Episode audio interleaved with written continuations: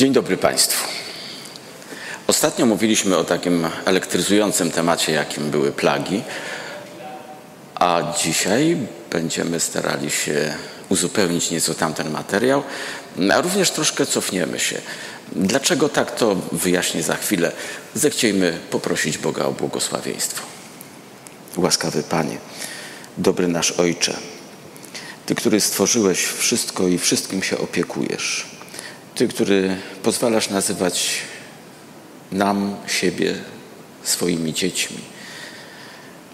Prosimy Cię, Panie, o błogosławieństwo dla tego spotkania, dla tych kwestii, które chcemy rozważyć, aby były budujące, Tobie przyniosły chwałę, a nam zbudowanie wiary. W imieniu Jezusa proszę Cię o to. Amen. A więc może gwoli przypomnienia, Stwierdziliśmy ostatnio, że w związku z postępującą destabilizacją, jaką na świecie obserwujemy w różnych aspektach, w różnych aspektach rzeczywistości, no, jakieś zmiany następują, prawda? Z jednej strony lęk i wołanie o interwencję wśród możnych tego świata, a odpowiedzią na to jest pewne działanie również resztki, czyli tej, tych ostatków ludu Bożego.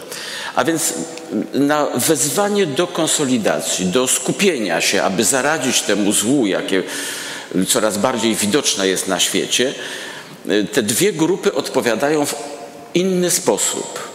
A więc cały świat odpowiada skupiając się wokół przywódców, udzielając im wsparcia i oczekując od nich rozwiązania globalnych problemów świata.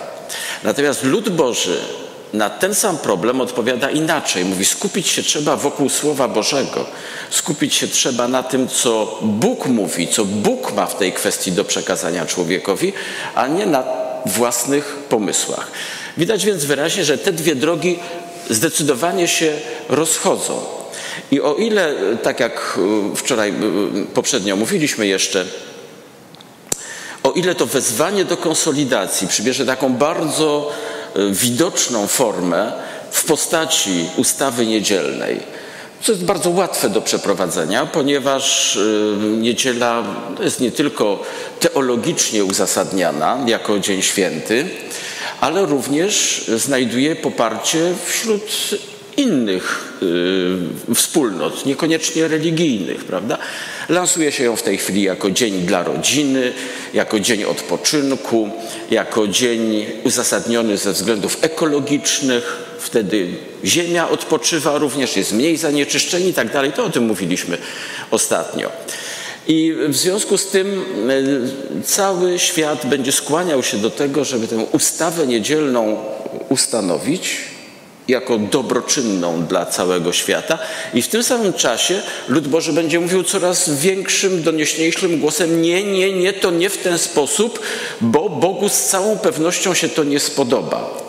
Będzie narastał głos i jednej strony, i drugiej strony, co spowoduje również i pewne kroki radykalne, a więc pewne prześladowanie.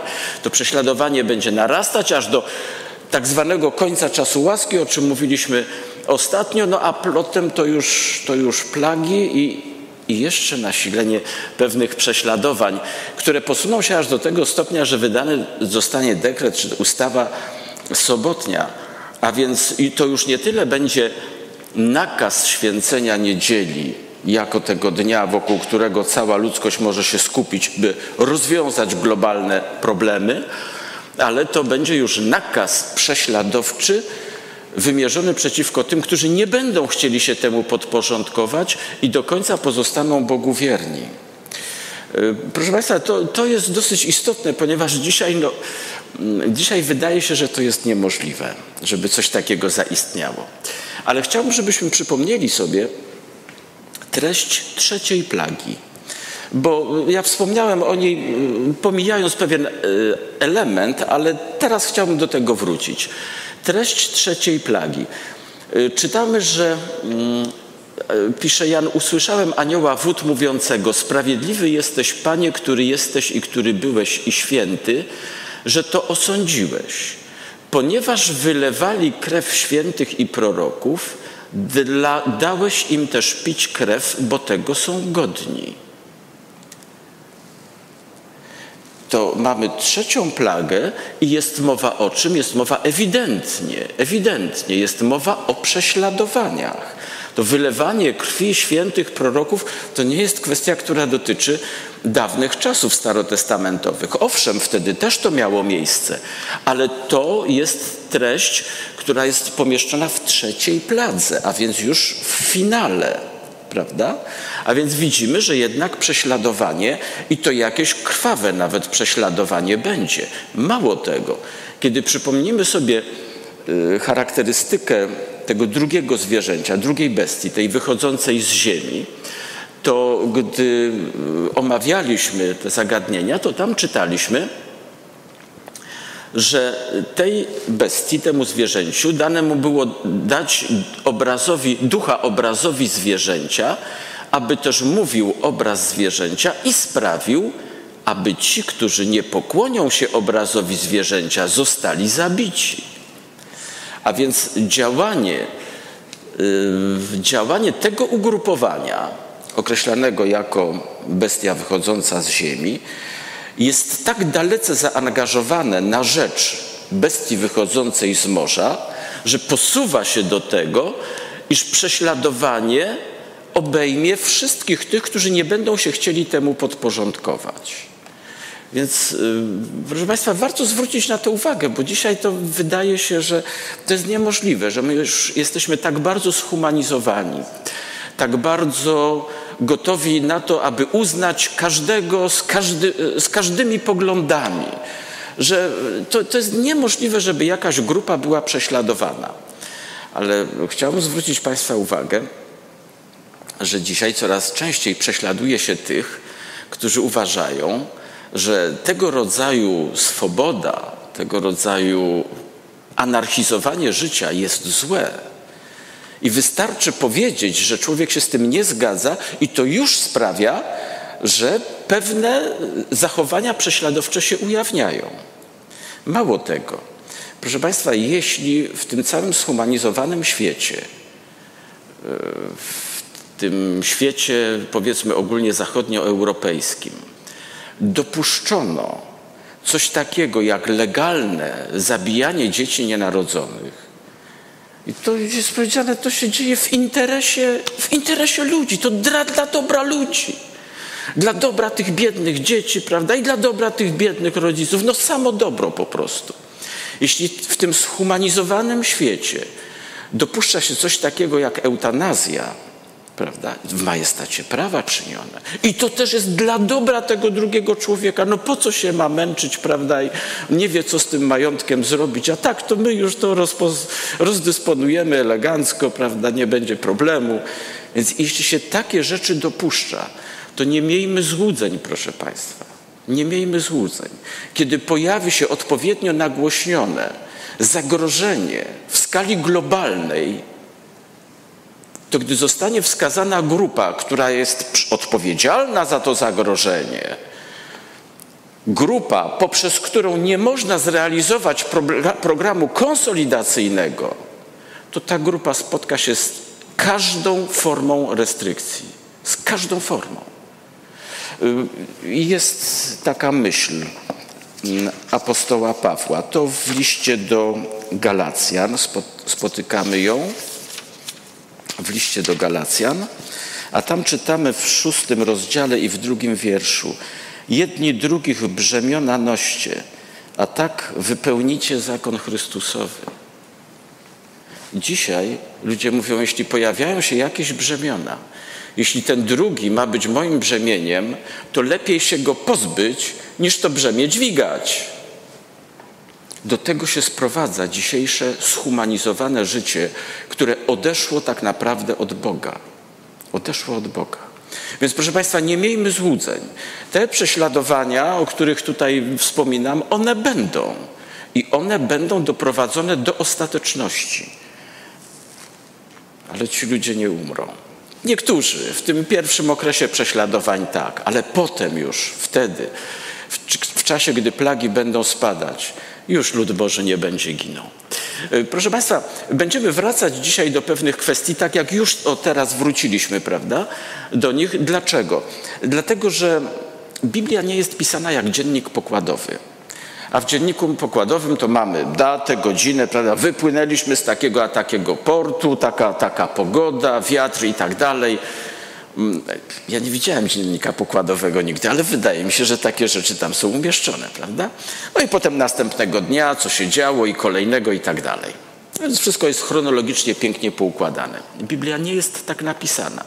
Nawet w poszczególnych księgach spotykamy mm, spotykamy y, ten element nietrzymania się chronologii.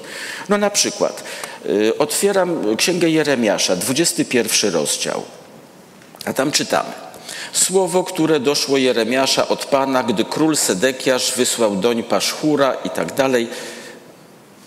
Jest mowa o czasach króla Sedekiasza. Król Sedekiasz obejmuje władzę w 597 roku. A więc to musiało być w tym czasie albo trochę później.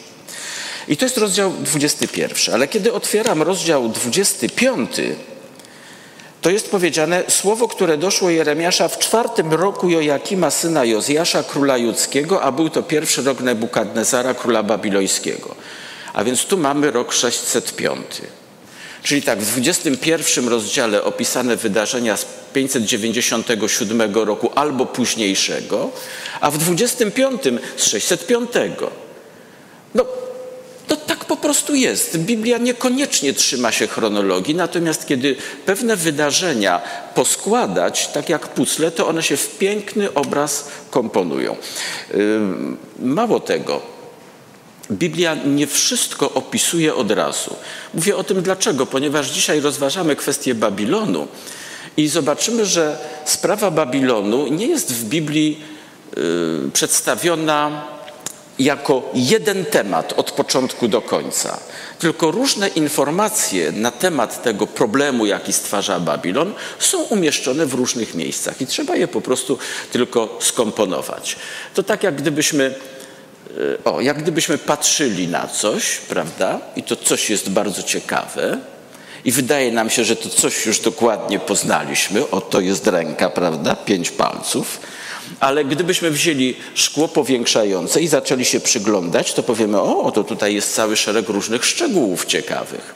A gdybyśmy pewne struktury włożyli pod mikroskop, to jeszcze więcej zobaczylibyśmy, no już o mikroskopie elektronowym nie mówię. Prawda?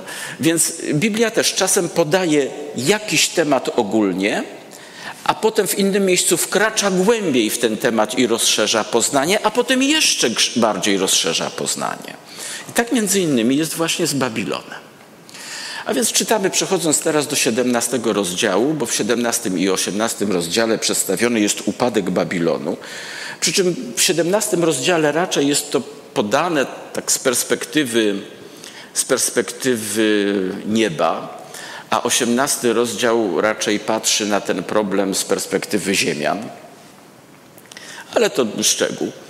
Czytamy, że przyszedł jeden z siedmiu aniołów, którzy mieli siedem czasz i powiedział do mnie mówiąc, chodź, pokażę ci sąd nad wielką wszetecznicą, która siedzi nad wielkimi wodami, z którą wszeteczeństwo uprawiali królowie ziemi, a winem jej wszeteczeństwa upili się mieszkańcy ziemi. Od razu więc widzimy już pewną istotną informację – że sąd nad, Babilon, że y, sąd nad Babilonem o, jest tutaj wyraźnie zasygnalizowany. Prawda? Anioł mówi Janowi, choć pokażę ci sąd nad wielką wszetecznicą. A więc z perspektywy sądu są opisywane teraz y, te różne kwestie, które przedstawia 17-18 rozdział. Proszę Państwa, ten sąd nad Babilonem nie jest nowością w Księdze Objawienia ponieważ Bóg już w czasach starotestamentowych mówił, że Babilon jest skazany na zagładę. I wystarczy sięgnąć nam do księgi proroka Jeremiasza, do rozdziału 51, gdzie czytamy: Uciekajcie spośród Babilonu i niech każdy ratuje swoją duszę, abyście nie zginęli w jego nieprawości, bo to jest czas pomsty Pana sam odda mu zapłatę. Babilon był złotym kubkiem w ręce Pana, upijającym całą ziemię. Narody piły jego wino i dlatego narody oszalały. Ale Babilon nagle upadnie i zostanie zmiażdżony. Leczyliśmy Babilon, ale nie został uleczony. Opuśćmy go i idźmy każdy do swojej ziemi, bo jego sąd sięga aż do nieba. Babilon. Mówiliśmy już wcześniej, system, który przedstawia ideologię absolutnie wrogą tej ideologii miłości, którą Bóg zaprezentował i którą zaleca człowiekowi do stosowania. To jest zupełnie inny system. Ale mimo to, ponieważ tam w obrębie tego systemu są ludzie, to Bóg podejmuje działania ratunkowe i w księdze Daniela jest to przepięknie zobrazowane. Babilon jako system upada. Piąty rozdział, prawda? On ginie, znika z kart historii ale poszczególnych ludzi z Babilonu można uratować. I dzisiaj jest dokładnie ta sama sytuacja. Babilon jako system jest skazany na zagładę. Tego się nie da uratować, ale niektórych ludzi tak. I to jest bardzo pocieszająca myśl. Ale y, powtarzamy, już w Starym Testamencie, prawda, Babilon jest bardzo dokładnie scharakteryzowany i przedstawiony jest jako ten system, który niestety z uwagi na upór prezentowanych, y, prezentowania treści sprzecznych z wolą Bożą jest skazany na zagładę. Kiedy przypomnimy sobie fragment poselstwa trójanielskiego, no, studiowaliśmy nie tak dawno, to czternasty rozdział Księgi Objawienia, to tam drugie poselstwo brzmiało w taki sposób. Upadł. Upadł wielki Babilon, który napoił wszystkie narody winem szaleńczej rozpusty. Proszę popatrzeć, to jest ten sam element, który znajdziemy tutaj, prawda? Że Babilon to jest taki złoty kubek, z którego narody piły i oszalały. Prawda? Piły i oszalały. Co jeszcze powiemy? W osiemnastym rozdziale Księgi Objawienia też przeczytamy co nieco o, o Babilonie. Też powtórzona jest informacja o jego upadku, że jest to system upadły.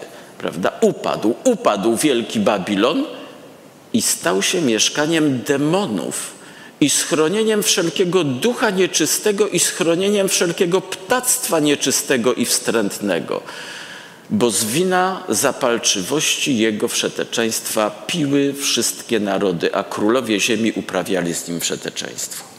Hmm. Nie tylko powtórzony jest y, ten fragment, który znaleźliśmy w poselstwie drugiego anioła, prawda? Mówiący o upadku, o tym winie szaleńczej rozpusty, tak. Ale oprócz tego Babilon posunął się jeszcze w swoim odstępstwie, ponieważ tutaj czytamy, że stał się mieszkaniem demonów. Mieszkaniem demonów. A więc struktura, która podawała się i w dalszym ciągu podaje za ostoje chrześcijaństwa, za jedyny prawomyślny chrześcijański system na tej ziemi, prawda? To z Bożej perspektywy jest to system upadły, który stał się siedliskiem demonów to ptactwo nieczyste tam, prawda? Jeśli chodzi o ptactwo, to jesteśmy przyzwyczajeni do, do czystych. Tu oczywiście nie chodzi o taką czystość typu czyste, brudne, prawda? Tylko o tę czystość, która kwalifikuje zwierzęta jako y, zdolne do złożenia ofiary i nie, niedobre do składania ofiary, jak to było w systemie starotestamentowym.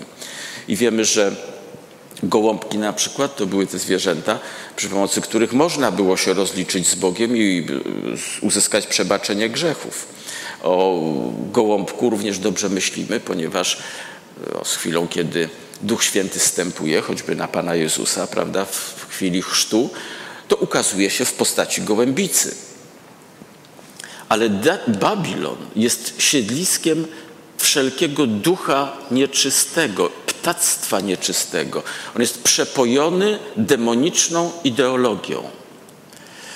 I y, co ciekawe, nie tylko on, ale z tego wina jego, z tej nauki, prawda, piły wszystkie narody, a królowie ziemi uprawiali z nim wszeteczeństwo.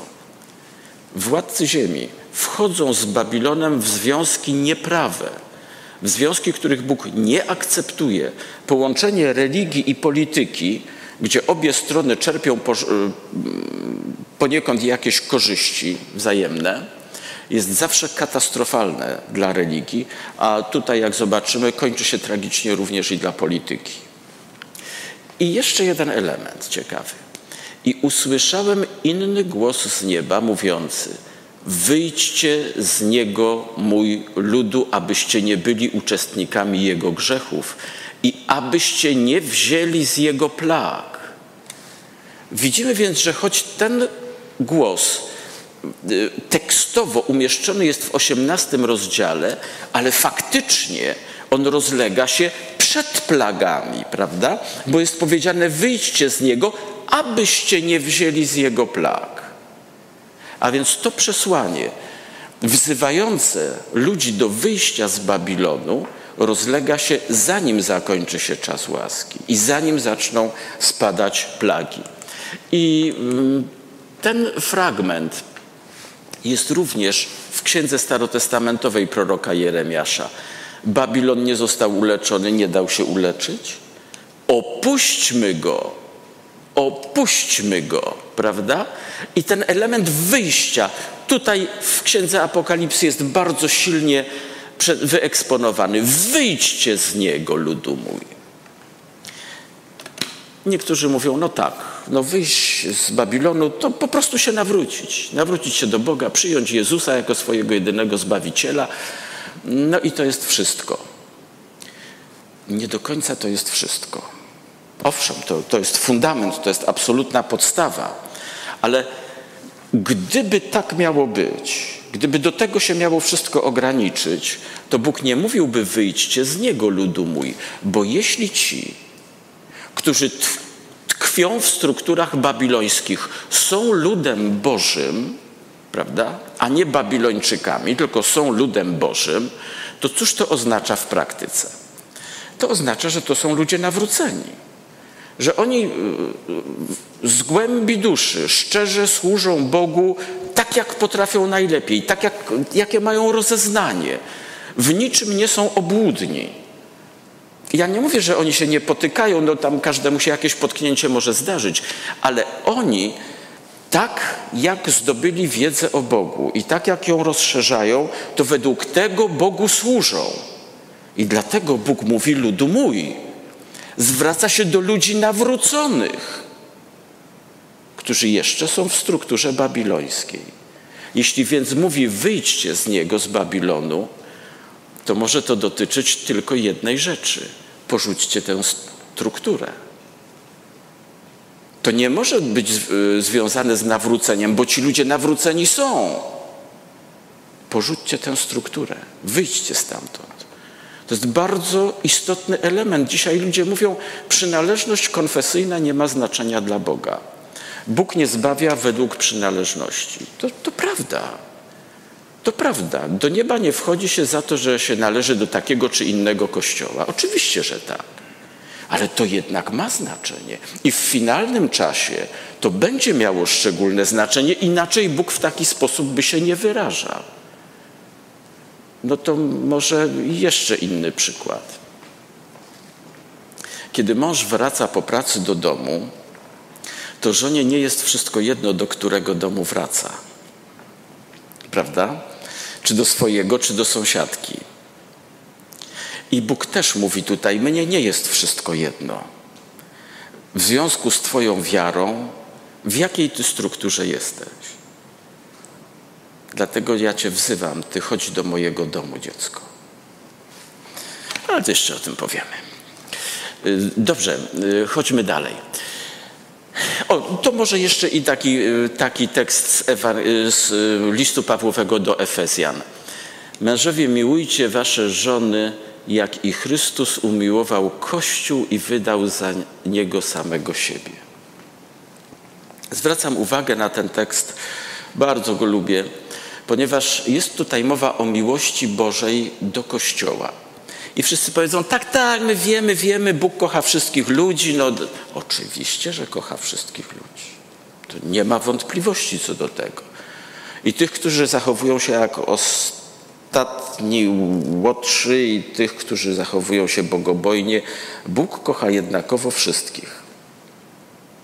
Ale tutaj jest napisane coś więcej, bo tekstów mówiących o tej powszechnej Bożej miłości mamy sporo w Piśmie Świętym. Ale tutaj jest mowa o tym, że Bóg umiłował Kościół. Bóg umiłował Kościół, a więc tę strukturę, którą On powołał, którą On się opiekuje, którą darzy szczególną estymą, ponieważ to są ludzie powołani przez Niego do wykonania specjalnych zadań w tym świecie. I to jest napisane tutaj, że Chrystus umiłował Kościół i wydał zań samego siebie. Nie tylko za każdego człowieka. Tak, to, to jest prawda. Ale również za tę strukturę, za Kościół. W związku z tym, moi drodzy, mm, jako ludzie wierzący, ja sądzę, że powinniśmy naprawdę ostrożniej szafować tym stwierdzeniem, że Kościół nie zbawia, w związku z tym przynależność kościelna nie ma większego znaczenia. Ja naprawdę byłbym ostrożny właśnie w świetle tej wypowiedzi, mówiącej o miłości Chrystusa także do kościoła, jak, do kościoła jako pewnej wspólnoty, organizacji, jak kto chce. Wiem, że niektórzy mają alergię na punkcie słowa organizacja, możemy mówić o wspólnocie. Dobrze, ale y, chodźmy dalej. Co jeszcze znajdziemy tutaj o Babilonie? A więc chodź pokażę Ci sąd nad wielką wszetecznicą, która siedzi nad wielkimi wodami, z którą wszeteczeństwo uprawiali królowie ziemi, a winem jej wszeteczeństwa upili się mieszkańcy ziemi. Zaznaczyłem tutaj ten fragment mówiący o tym, że ona siedzi nad wielkimi wodami, bo w tym samym rozdziale, tam trzy wiersze dalej, znajdujemy wyjaśnienie mówiące o tym, że te wielkie wody to symbol terenów bogato zaludnionych. Dobrze, w porządku. Ale nie to w tej chwili jest najważniejsze. Jan słyszy przekaz. Pokażę ci sąd nad wielką wszetecznicą, która siedzi nad wielkimi wodami. Co powinien wiedzieć, zobaczyć? No, powiedzmy kobietę nad jeziorem albo nad morzem. A co widzi? I zaniósł mnie w duchu na pustynię. I widziałem kobietę siedzącą na szkarłatnym zwierzęciu. Powiemy coś tutaj, jest niekompatybilne, nieodpowiednie, prawda? Miał widzieć kobietę nad wielkimi wodami, a widzi na pustyni. Ale Biblia niejednokrotnie tak się wypowiada. W tej samej księdze objawienia możemy sięgnąć na przykład do piątego rozdziału, gdzie wśród lamentu tam, jaki, jaki powstał, y, jest powiedziane o zwycięstwie. Jest powiedziane, nie płacz, zwyciężył lew z pokolenia Judy. I kiedy Jan się obraca, to widzi, no właśnie, nie widzi lwa, widzi baranka. Tak bywa w przekazach proroczych czasem, że inna treść płynie w warstwie werbalnej, a inna, a inna w warstwie wizualnej. Co innego słychać, co innego widać. A więc ta, która pochodzi z kręgów bogato zaludnionych, ta struktura określona Babilon, tutaj jest zobrazowana jako kobieta siedząca na szkarłatnym zwierzęciu pełnym bluźnierczych imion, które miało siedem głów i dziesięć rogów. A owa kobieta ubrana była w purpurę i w szkarłat i wyzłocona złotem i drogim kamieniem i perłami, mając złoty kielich w swej ręce pełen obrzydliwości i nieczystości swego nierządu. To, że ta kobieta jest na pustyni, to nas specjalnie nie dziwi. To znaczy, zdziwić nas powinno. Nie sam fakt pustyni, tylko to, że ona jest na pustyni. Dlaczego? Ponieważ pustynię my znamy dobrze z 12 rozdziału Księgi Objawienia. W ten sposób przedstawione było pewne e, miejsce czy terytoria, które stanowiły miejsce ucieczki dla ludu Bożego w okresie prześladowań, tych strasznych prześladowań, głównie w okresie średniowiecza. To tam czytaliśmy, że kobieta, Kościół Boży uciekła na pustynię, prawda? I dalej leciała na pustynię, na swoje miejsce z dala od węża. A więc pustynia była miejscem ucieczki Kościoła. A tutaj, a tutaj ona siedzi na zwierzęciu, prawda? Na tym pustynnym miejscu siedzi kobieta nieczysta, kobieta wszeteczna. Tam powinien się znajdować Kościół Boży. Widzimy więc, jak daleko posunięta została ekspansja tej siły odstępczej, określonej jako Babilon, prawda? Jak daleko, że zajęła nawet tamte tereny, a nie chodzi tylko o, o miejsca. Zajęła te tereny, które wcześniej należały do ludu Bożego. No to pytanie to, gdzie jest teraz lud Boży? No to jest ta resztka. To jest ta resztka. Ich jest niedużo, ale oni są. Siedzi na zwierzęciu. No, powiedzmy od razu, że jest to wspaniały obraz mówiący o tym, w jaki sposób moc religijna, ta nieczysta kobieta, dosiada struktury politycznej i sprawuje władzę nad tą strukturą. O, to zwierzę, które jest pełne bluźnierczych imion, my je doskonale znamy, prawda? Ono się pojawiło już o, w XIII rozdziale, a to jest to zwierzę, prawda, z 13 rozdziału. A mówiliśmy wcześniej, że ono bardzo jest podobne do smoka. No nic dziwnego, że jest podobne do szatana, skoro od szatana uzyskało moc, y, prerogatywy do działania, prawda? A więc widzimy, że ta sama siła, prawda, w czasach finalnych również działa i to działa bardzo mocno.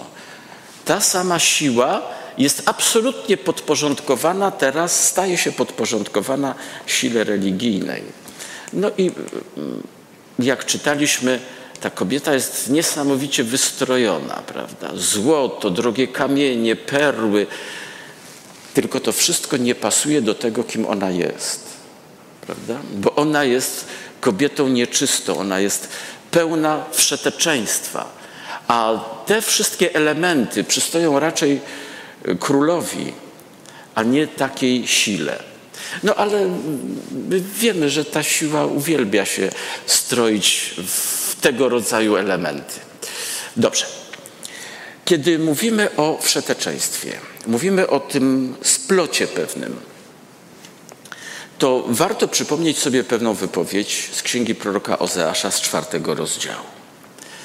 A tam jest następujące przesłanie. Wszeteczeństwo i wino i moszcz odbierają rozum. To wielu ludzi nawet z własnego doświadczenia. Takiego już nie proroczego, prawda, ale czysto ludzkiego, że tam, gdzie wchodzi w grę wino, tam, gdzie umysł y, zmącony, to łatwo i o, o wszeteczeństwo i, i odwrotnie. Mój lud, mówi Bóg, pyta swego drewna, a jego kij odpowiada mu jest mowa o praktykach y, spirytystycznych. Bo zwiódł go duch wszeteczeństwa, aby uprawiali nierząd, odstępując od swego Boga. Zauważmy, że tutaj mowa jest nie tylko o tych różnych zwykłych formach cudzołóstwa, ale jest połączony termin nierządu z odstępstwem od Boga. I to doskonale charakteryzuje Babilon to cudzołóstwo, to jest faktyczne odstąpienie od Boga, od zasad życia, które Bóg podał człowiekowi. Na szczytach gór składają ofiary, dlatego wasze córki uprawiają wszeteczeństwo, a wasze kobiety cudzołożą. Lud, który tego nie rozumie, upadnie. Bóg w czasach starotestamentowych powiedział, ma być jedno miejsce ofiar. No to była świątynia w Jerozolimie, wcześniej namiot zgromadzenia. Żadne inne miejsca kultu, choćby nie wiem jak strojne, nie były przez Boga uznane. Traktowane były jako sprzeniewierzenie się woli Bożej jako grzech. I Bóg interweniował nierzadko wtedy, kiedy ludzie nie słuchali Jego słowa On wspomina tutaj, prorok wspomina o tym, na szczytach gór składają ofiary, dlatego wasze córki uprawiają wszeteczeństwo. Proszę Państwa, co my dzisiaj mamy w świecie? Co my mamy wokół siebie? Choćby, choćby w naszym kraju, już nie odwołując się do, do innych miejsc. Mamy absolutnie y, sprzeczny z wolą Bożą stosunek do seksualności. Mamy rozpustę w najrozmaitszych formach, a z drugiej strony mamy rozkwit różnych form bałwochwalczych. Mamy kapliczki takie, siakie, inne, te, tych miejsc kultu, ile, ile się chce. Bóg mówi wyraźnie, te dwa elementy idą ze sobą. Jeśli pojawia się, pojawia się nierząd duchowy, odstępstwo ode mnie, to będzie się to objawiało również odstępstwem w sferze moralności w waszym zwykłym życiu. I my to mamy. My to bardzo boleśnie przeżywamy w naszym kraju. Powinniśmy przynajmniej boleśnie przeżywać. Co jeszcze, jeśli chodzi o charakterystykę Babilonu? Czytamy, że w nim znaleziona została krew proroków i świętych i wszystkich, którzy zostali zabici na ziemi. I jeszcze w jednym miejscu, już tuż, tuż przed y, powtórnym przyjściem Chrystusa, czytamy Aleluja naszemu Bogu, bo prawdziwie i sprawiedliwe, prawdziwe i sprawiedliwe są Jego sądy, gdyż osądził wielką wszetecznicę, która skaziła ziemię swoim wszeteczeństwem i pomścił krew swoich sług z jej ręki. Mamy kolejny element po stronie Babilonu. Na jej czole, jak czytamy, było napisane tajemnica. Babilon wielki, matka wszetecznic i obrzydliwości ziemi. Nawiasem mówiąc, skoro matka, to znaczy, że ma i córki. I niestety te córki w świecie, córki babilońskie są. I widziałem kobietę pijaną krwią świętych i krwią męczenników Jezusa, a widząc ją, zdziwiłem się wielce. Gdybyśmy teraz mieli poskładać te różne elementy charakteryzujące Babilon, to z całą pewnością możemy mówić o tym, że tak, jest wyeksponowane to bogactwo, ale nie tym powinien się człowiek Boży szczycić jest wyeksponowany element zwiedzenia, bo cała ziemia idzie w podziwie za tym zwierzęciem. Jest element bluźnierstwa ewidentny, jak również wszeteczeństwo, no i prześladowanie ludu Bożego. Tym jest Babilon. Taki jest. Ale jeszcze przeczytajmy co nieco z dalszych fragmentów tego 17 rozdziału bowiem dzieją się tutaj ciekawe rzeczy. Dziesięć rogów, które widziałeś, te rogi zwierzęcia, to dziesięciu królów, którzy jeszcze nie wzięli królestwa, ale wezmą władzę ze zwierzęciem jako królowie na jedną godzinę. To co godzina znaczy, nie ma potrzeby teraz rozważać. Natomiast widzimy, że y, tych dziesięciu królów, no to jakaś, jakaś struktura polityczna się tutaj wyłania. Ci są jednomyślni, a moc i swoją władzę oddadzą zwierzęciu. Moc i władzę oddadzą zwierzęciu.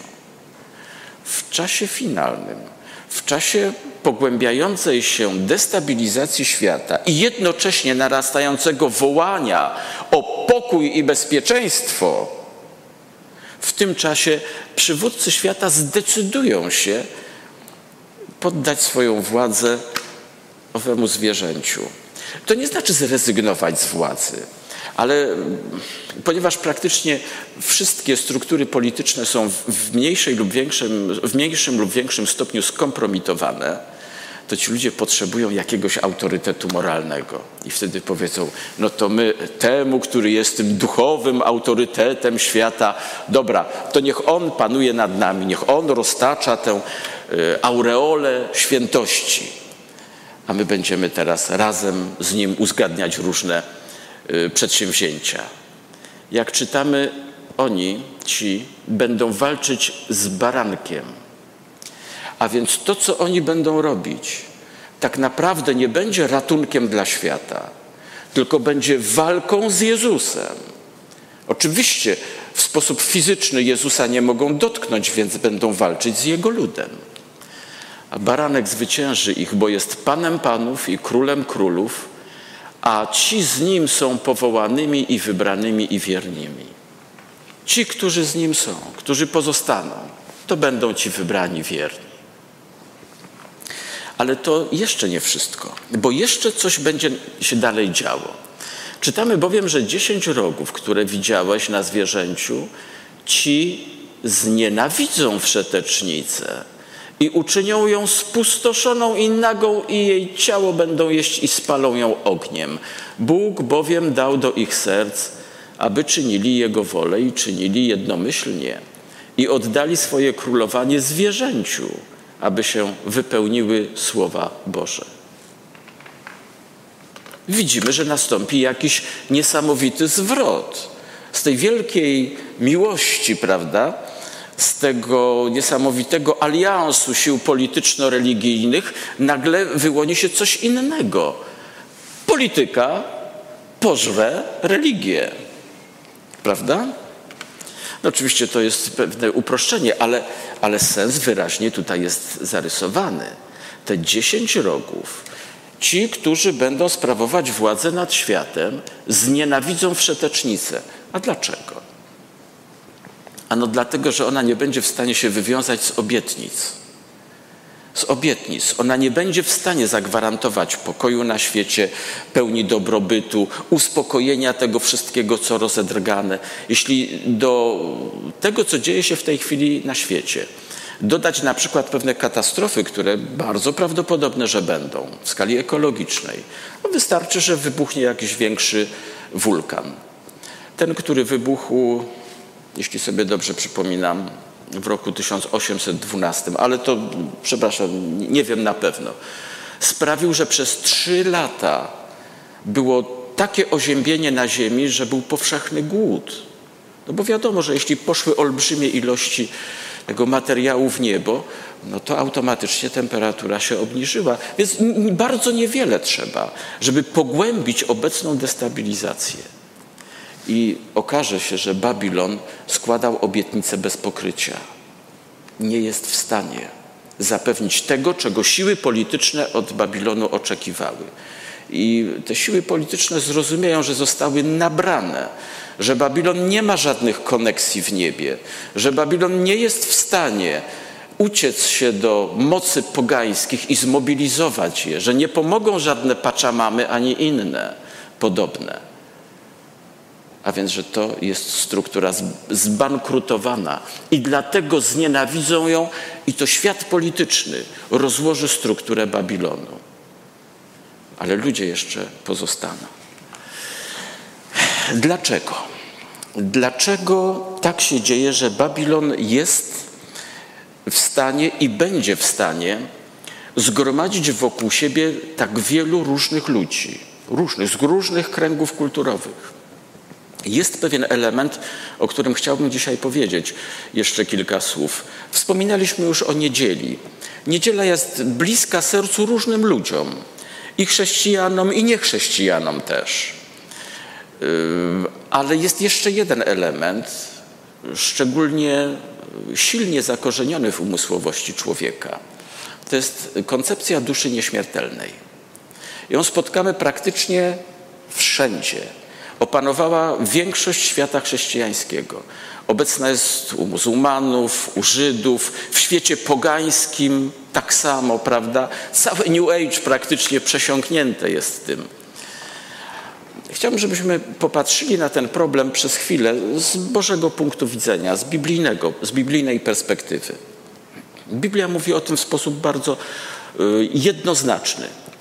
Jeśli weźmiemy pod uwagę stworzenie człowieka, czyli jak powstaje życie, to Bóg, który ukształtował najpierw z elementów y, materii obecnej na Ziemi człowieka, następnie, jak czytamy, tchnął w jego nozdrza dech życia i wtedy stał się człowiek istotą żywą. I to jest cały mechanizm ożywiania, prawda? Mamy strukturę materialną, Bóg tchnął dech swój w to I Adam wstał, prawda? I zaczął się rozglądać, a potem taka nie ma propozycja, no taki lekki smuteczek mam w duszy, Panie Boże, może by tak. Ach, oczywiście, i Bóg zaradził temu smuteczkowi, potem jest Ewa. Dobrze, to mamy ożywianie. Ale wiemy, że jest też proces odwrotny, prawda? Czyli jest również i umieranie. Tak, no to jest to, o czym mówiliśmy. Jest również umieranie. Ono również jest bardzo precyzyjnie w Piśmie Świętym scharakteryzowane, bowiem jak czytamy u Salomona, wróci proch do ziemi tak, jak nim był, duch zaś, czyli to tchnienie, wróci do Boga, który go dał. A więc tak jak połączenie tych dwóch elementów sprawiło, że powstała żywa istota, tak rozłączenie tych elementów sprawia, że no, nie ma już żywej istoty.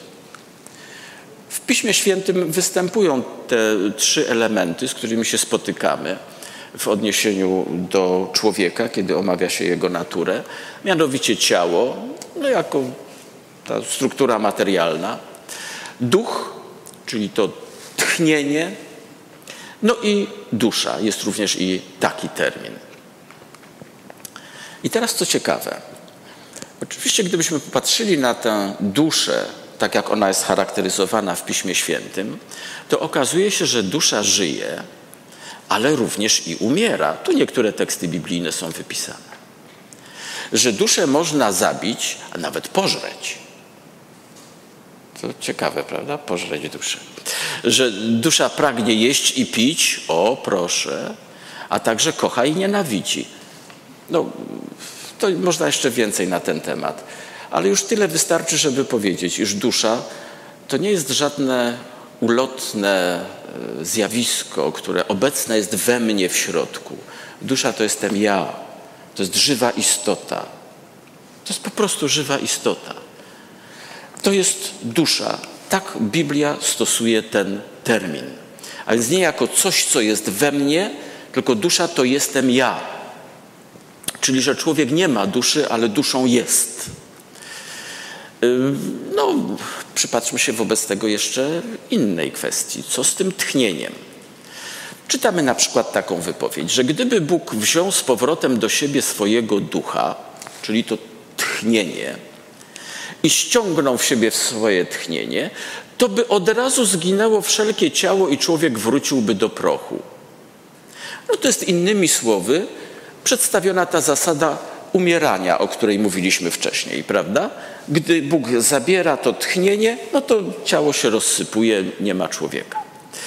Albo inna wypowiedź z Psalmu 104. Gdy zabierasz im tchnienie, giną i w proch się obracają.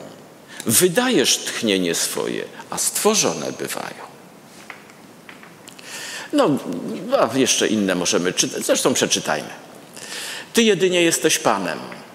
Ty stworzyłeś niebiosa, niebiosa niebios i cały ich zastęp, ziemię i wszystko, co jest na niej, morza i wszystko, co jest w nich.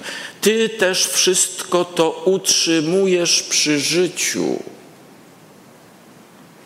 Dopóki Bóg utrzymuje przy życiu, daje to swoje tchnienie, to te istoty żyją.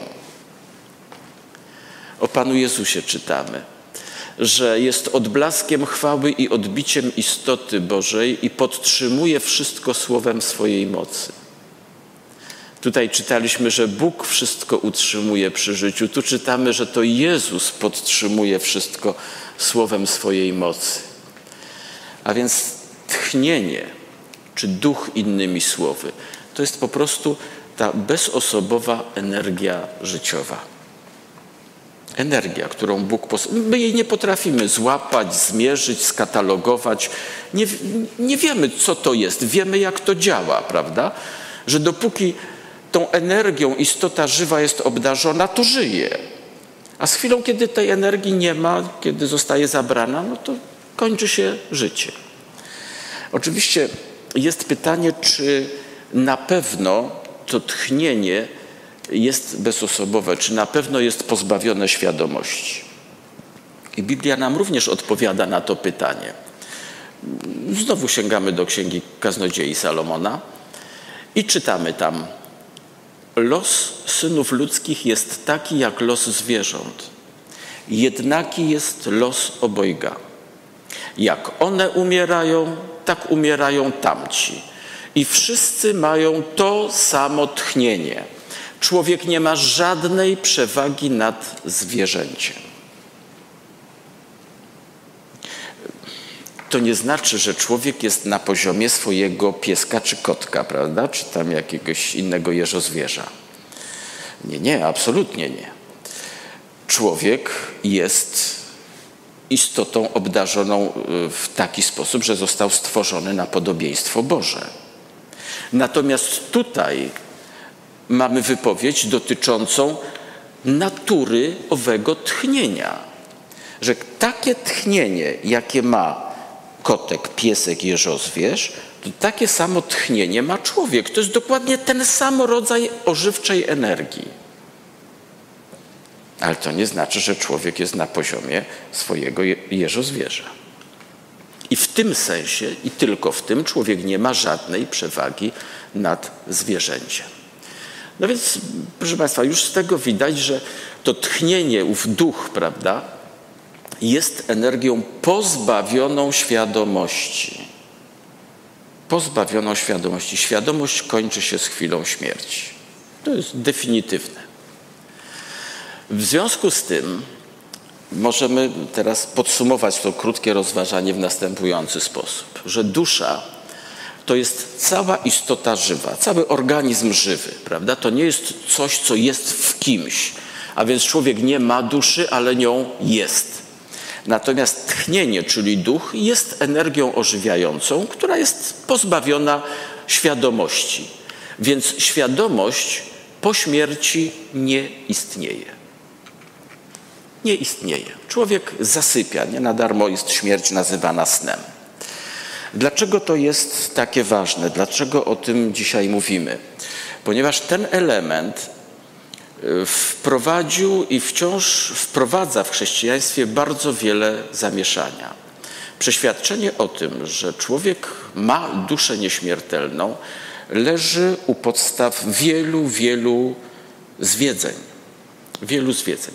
Ale mm, po kolei może popatrzmy, jakie są konsekwencje wiary w istnienie nieśmiertelnej duszy. No, przede wszystkim jest to pozór uniezależnienia od Boga. Bo jeśli rzeczywiście we mnie jest coś, co jest obdarzone świadomością, czyli co wie, że ja jestem ja, prawda? I jeśli to coś żyje bez przerwy. Ja umieram, ale to coś żyje. Czyli moja świadomość trwa w dalszym ciągu. To, to jest przyjemne, prawda? No bo tak zamknąć oczy i co, i nic nie wiedzieć, to mierzi człowieka. Ale prawda jest zawsze lepsza od fałszu. A więc jeśli ja jestem rzeczywiście obdarzony nieśmiertelnością, niezależnie od tego, co robię, to ja jestem na poziomie Boga tak naprawdę. To nie ma różnicy w tym względzie. I tym samym spełniłoby się kłamstwo szatana, którym napoił Ewę, prawda, mówiąc: Będziecie jak Bóg. Tak, oczywiście. W tym ujęciu tak. Dalej, jeśli rzeczywiście dusza nieśmiertelna miałaby istnieć, to grzech no grzech przestaje być taki straszny. Bo niezależnie od tego, co ja robię, czy będę prowadził łajdackie życie, czy to będzie życie godziwe, to ja i tak będę istniał. A Bóg powiedział: Jeśli zgrzeszysz, nie będziesz istniał. Prawda? Ale przychodzi ta koncepcja, pogańska nawiasem mówiąc, bo to jest koncepcja pogańska, która przywleczona została do chrześcijaństwa i chrześcijaństwo ją kupiło po prostu. Bo chwytliwa. Z chwilą, kiedy y, wielkie rzesze zaczęły napływać do chrześcijaństwa po zakończeniu prześladowań w pierwszej połowie czwartego stulecia, no to one przyniosły ze sobą cały bagaż pogańskich wierzeń, między innymi coś takiego, chociaż to już i wcześniej się pojawiało w chrześcijaństwie. No i teraz no, trzeba było coś z tym fantem zrobić. No, albo postawić szlaban zdecydowany i powiedzieć nie, słuchajcie, kochani poganie, my was miłujemy po chrześcijańsku, ale najpierw się pozbędziecie wszystkich naleciałości pogańskich, a potem was ochrzcimy i przyjmiemy. No tak, no ale jak się wściekną i znowu będą prześladowania, to co? To może lepiej nie, to my ich najpierw ochrzcimy, a potem im wytłumaczymy. No to się skończyło tak, że do dzisiejszego dnia mamy całą masę pogańskich wierzeń w tak zwanym chrześcijaństwie, z którymi się już nie daje się walczyć po prostu, nie ma jak. Tak się błąd rozpanoszył. Więc jeśli ja mam duszę nieśmiertelną, to grzech nie ma większego znaczenia. Grzech nie jest w stanie mnie pozbawić życia. Dalej. W tym ujęciu duszy nieśmiertelnej Chrystus tak naprawdę z Jego ofiarą przestaje mi być potrzebny. No bo po co? Ktoś powie, no to będziesz takim grzesznikiem strasznym i nieodkupione grzechy, no to pójdziesz do piekła. I są ludzie, którzy mówią, no to pójdę. No to, to, to co? Byle żyć, prawda? Byle żyć. A to tam cię będą smażyć. Cię smażyć człowieku, to już i Kościół przestał wierzyć w te smoły, prawda, i diabłów z widłami to teraz to mi mówią, że ja tam będę cierpiał, bo będę oddalony od Boga. Ale mnie na Bogu nie zależy. Jak ja mam być oddalony od Niego, to jeszcze lepiej, nie będzie mi się wtrącał tam, a my sobie w piekle jakoś życie ułożymy, prawda?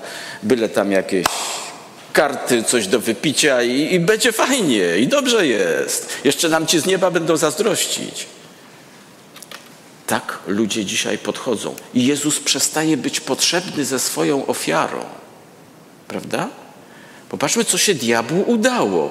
W jaki sposób Bóg jest zdeprecjonowany. Człowiek poprzez te pogańskie wierzenia tak naprawdę oddala się od Boga i mówi, że jest wszystko w porządku tak naprawdę. Dalej, wprowadza się fałszywą naukę o pośrednictwie zmarłych, no bo przecież uczy się wprost w chrześcijaństwie, że te dusze zmarłych, takie bogobojn, takich bogobojnych y, żyjących onkiś, no to te dusze tam gdzieś są, one się wstawiają za żyjącymi tutaj mm, na ziemi jeszcze, a z kolei takie, które tam gdzieś cierpią w innych miejscach, no to ci żyjący na ziemi mogą im pomóc, modlić się za nich. Tak, cały łańcuszek różny został stworzony wzajemnych zależności. Ale Jezus powiedział, i cała Biblia uczy, że to On jest pośrednikiem. Nie ma innego. Nie ma innego. A dzisiaj zrobiono świętych od, y, całych, y, od całego szeregu różnych rzeczy. Y, święci są specjalistami od takich spraw, od siakich, od innych. I te wszystkie modlitwy adresowane do nich to są modlitwy adresowane do zmarłych, do ludzi, których nie ma. Zamiast człowiek rozmawiać z Bogiem, to rozmawia z istotami, które nie żyją, których nie ma. Cały obszar kultu maryjnego, który w tej chwili jest, jak, jakże bardzo e, rozbujały, prawda? W tym ujęciu nie ma w ogóle znaczenia. W ogóle znaczenia. I choć absolutnie nie deprecjonujemy osoby Marii, to była bardzo bogobojna istota, wybrana przez Boga do specjalnego zadania, tak jak Bóg wybierał różnych ludzi do różnych zadań. Chwała Mu za to i chwała za to, że y, ona się z tego zadania wywiązała we wspaniały sposób. Tym niemniej Maria zakończyła życie, ale chrześcijanie mówią nie. Nie, absolutnie ona jest. Mało tego, uzyskała nawet status współodkupicielki. Współodkupicielki. Więc popatrzmy, co się dzieje, jak Bóg jest rugowany tutaj właśnie przez tę koncepcję duszy nieśmiertelnej ze swojego stanowiska króla. Tam on jest po prostu detronizowany, systematycznie detronizowany. To jeszcze nie wszystko. Bowiem oczekiwanie na powrót Jezusa staje się zbędne. My czekamy na Jezusa, bo On jest całym naszym ratunkiem. Jest nie tylko naszą tęsknotą. Naprawdę chcielibyśmy już móc z Nim być. Ale wiemy, że jest ratunkiem. Tak bardzo potrzebnym. Ale w tym ujęciu duszy nieśmiertelnej, po co mi Zbawiciel jakiś? Jak ja jestem nieśmiertelny, to ja mam podstawowy problem egzystencji. Ja mam załatwiony problem. Wreszcie, wreszcie, moi drodzy, ta dusza nieśmiertelna, nieszczęsna otwiera bardzo szerokie drzwi do wszelkich form okultystycznych. No, przede wszystkim do kontaktów spirytystycznych, do kontaktów z tak zwanymi duchami.